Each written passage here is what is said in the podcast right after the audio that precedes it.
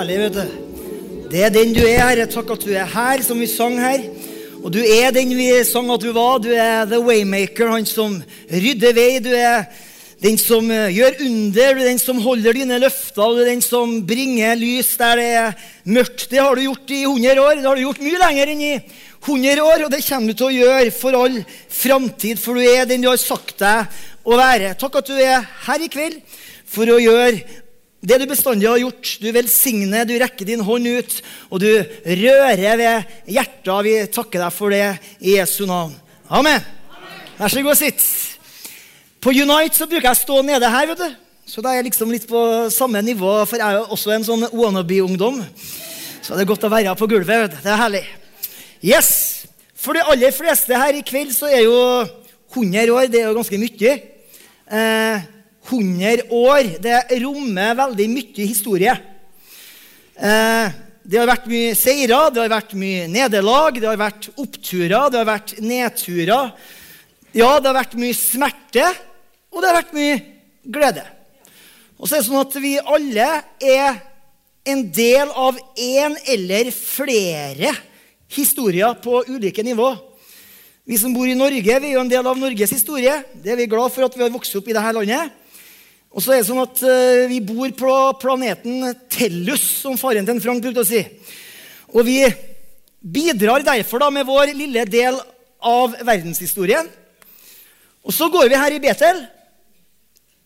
Så vi er en del av Betels historie, og vi mener oppriktig at det er viktig å være en aktiv del av en kirke som uh, tror på Guds ord, og som legger til rette for en tro som varer hele livet ut. Og så er det bare du som er du, sånn at vi alle sammen hver eneste dag skriver ei ny side av vår personlige historie. Og så over alt det her, da, det som er enda større, så har vi Guds historie, frelseshistorien, som vi alle sammen her på en eller annen måte har blitt berørt av. Felles for alle disse ulike kategoriene av historie så er det sånn at på noen punkt så har historien vært trua. Den har hunget i en tynn tråd. Den har vært avhengig av noen få mennesker som har tatt et større ansvar enn bare å være til stede i historien. De har liksom ofra noe for å trygge en videre positiv utvikling av historien. Når jeg går til Bibelen, så tenker jeg f.eks. på Moses, som ikke var perfekt. Han starta ut ganske dårlig da, med en dødsdom over livet sitt. Og så endte han opp i et palass. Så gikk han og slo i hjel en egypter. Så flykta han ut i ørkenen. Der ble han kalt av Gud. Så hadde han ikke så voldsomt trua på seg sjøl, for han sier 'Hvem er jeg?' Det er litt smart å vite hvem du er. ikke sant? Han visste ikke hvem han var sjøl. Hvem er jeg at jeg skal få til dette her?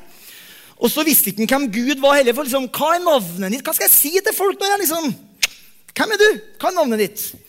Og så var han også dårlig til å prate sin. Men akkurat han ble kalt av Gud. Og etter sånn mye om og men altså omfavna han til slutt det her kallet. Og så ble han den som førte flere millioner jøder ut av Egypt. Med store tegn og under, står det. Og så redda han jødefolket fra undergang. Jødefolket der vår Herre og eh, Frelser kommer ifra. Så noen få menn, eller her, da, én mann, på et kritisk øyeblikk hvor alt hang i en tynn tråd. Videre tenker jeg på David, som også på et kritisk øyeblikk av eh, Israels historie kommer inn i Israels leir, hvor alle var livredde. De var paralysert fordi kjempen Goliat hadde utfordra dem. Han hadde skapt frykt hos samtlige soldater i 40 dager, står det i Bibelen.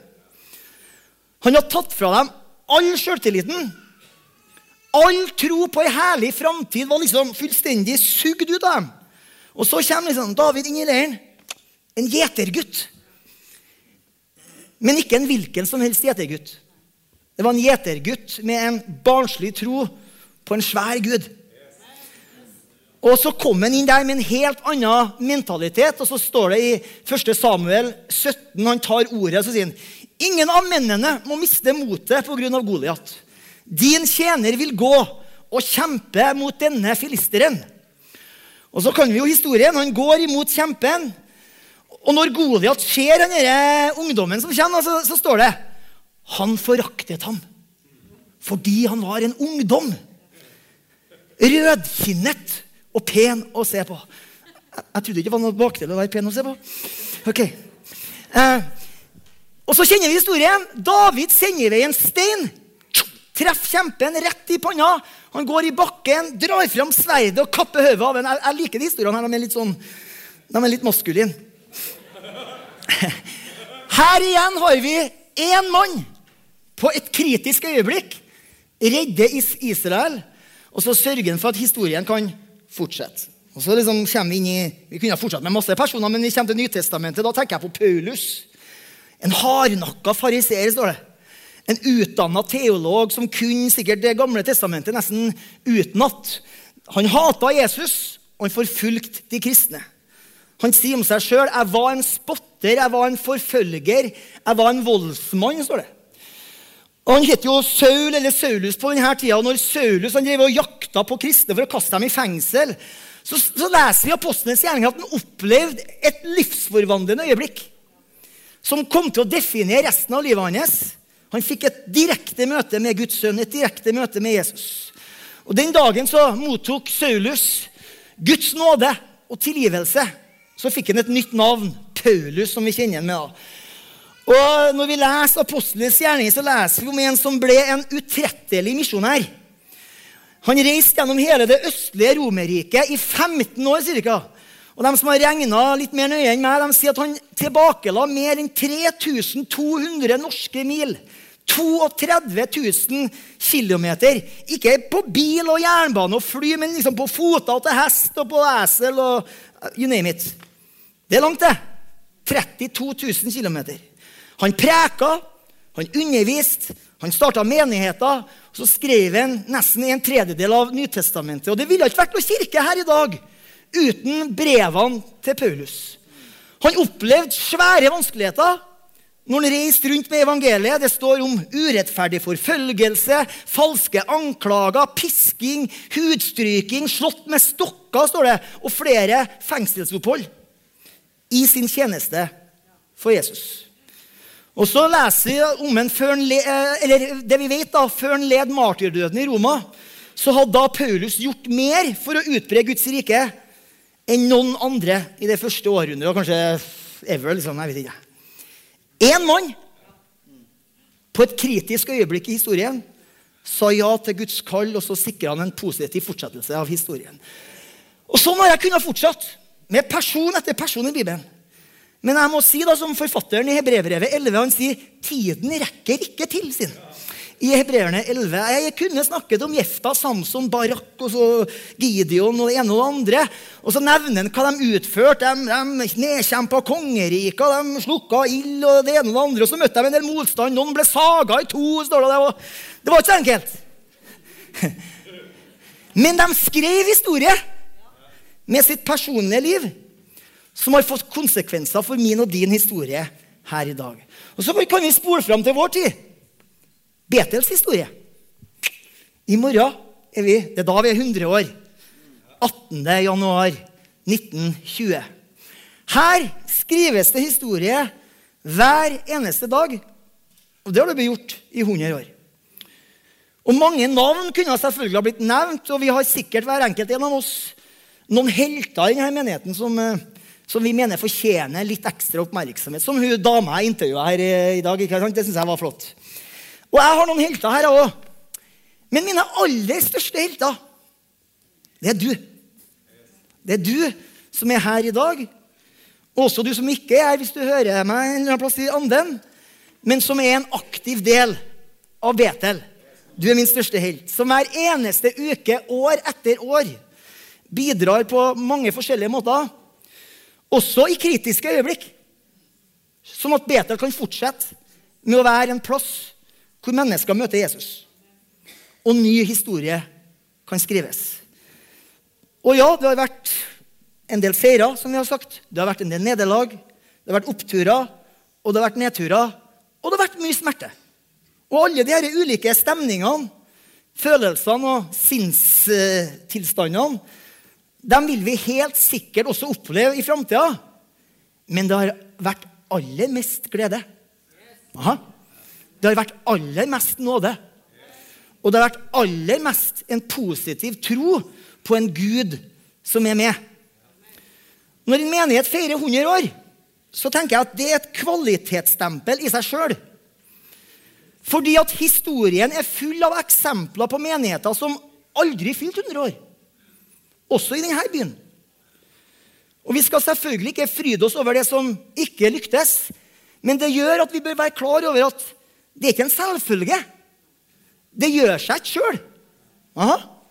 Så jeg tenker noe må vi ha gjort rett. Siden vi fortsatt er her. Etter 100 år. Og jeg vil trekke fram én ting. Jeg nærmer meg slutten. skal ikke preke lenge, vet du. Jeg vil trekke fram én ting som jeg tror vi har gjort rett. I hvert fall sånn som jeg opplever det. Og jeg skal illustrere det med en historie fra Bibelen. De fleste av dere som er unge, har ikke hørt denne historien. Det er helt sikkert, for det er ikke mange som leser akkurat denne historien her. Det er en dramatisk historie i Gammeltestamentet om ei dame som heter Rispa. Husk på hun, Rispa. Hun er det jeg kaller for verdens beste ungdomsarbeider. Det var en, en veldig spesiell eh, situasjon der. Det var i en nasjonal konflikt. Og i denne spesielle situasjonen så ble hennes to sønner drept sammen med fem andre. Og de ble hengt opp på en høyde, står det i Bibelen. Litt sånn skikkelig gross. Og de, Det står at de ble hengt opp i de første dagene av høsttida og hang der til senregnet kom. Det betyr de hang der i flere måneder for å råtne. Hold deg fast nå.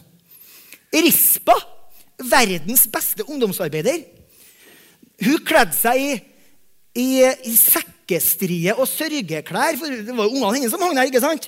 Og hun, Det står at hun kjempa mot rovdyr og rovfugler som prøvde å fortære likene av de døde. Hva får du ut av det her, Kristian? tenker du? Jo, for meg er det som om hun sier de herre to guttene de er fortsatt mine sønner. Og det er ingen rovdyr som skal fortære dem. Altså, Hennes kjærlighet var urokkelig. Kanskje for alle de andre rundt der så var det det som hang der, bare råtne lik av noe Så det var bare noe illeluktende skjelett. Fullstendig uten betydning, men ikke for rispa. Det er som å si jeg nekter å forlate dem. Jeg nekter å gi dem opp. Jeg skal kjempe for dem. Og etter å ha stått der og kjempa mot rovdyr i flere måneder, så står det at kongen utsteder en befaling og i den befalinga sier han at de døde kroppene, skjelettene, skal tas ned. Og så står det at på en ærefull måte så skal de bli gravlagt i kongens personlige gravkammer. Da begynner jeg å tenke du, på evangeliet og alt det her.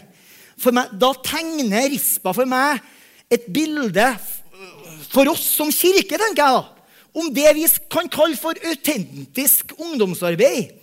Altså Det handler om å ha et utholdende hjerte og en kjærlighet som fortsetter å kjempe for den unge generasjonen, selv om det av og til kan se litt ille ut. ikke sant? Selv når det ser ut som om alt håp er ute, inntil de ser kongen, inntil de blir brakt til kongen, til Jesus. Og for meg så har Betel vært en sånn kirke. Det er den ene tingen jeg vil dra fram som vi har gjort rett. Fordi jeg jeg ramla ikke inn her en dag. Det var ikke noen som fant meg i ei grøft som en sliten uteligger. Nei, jeg vokste opp her. Som en helt normal ungdom. Jeg skjønner at noen vil stille spørsmålstegn med ordet 'normal'. Men, men det er helt greit. Men jeg møtte noe her som ungdom. Jeg møtte noe her som jeg i dag er evig takknemlig for. Jeg møtte noe som gjorde at jeg bøyde knær på første benk der i en alder av 13 år. Og der, på første benk, møtte jeg Jesus.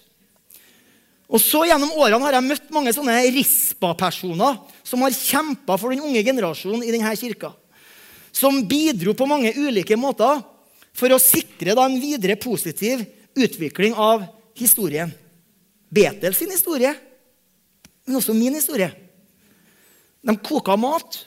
De var ledere på leir uten sjøl å ha barn der engang.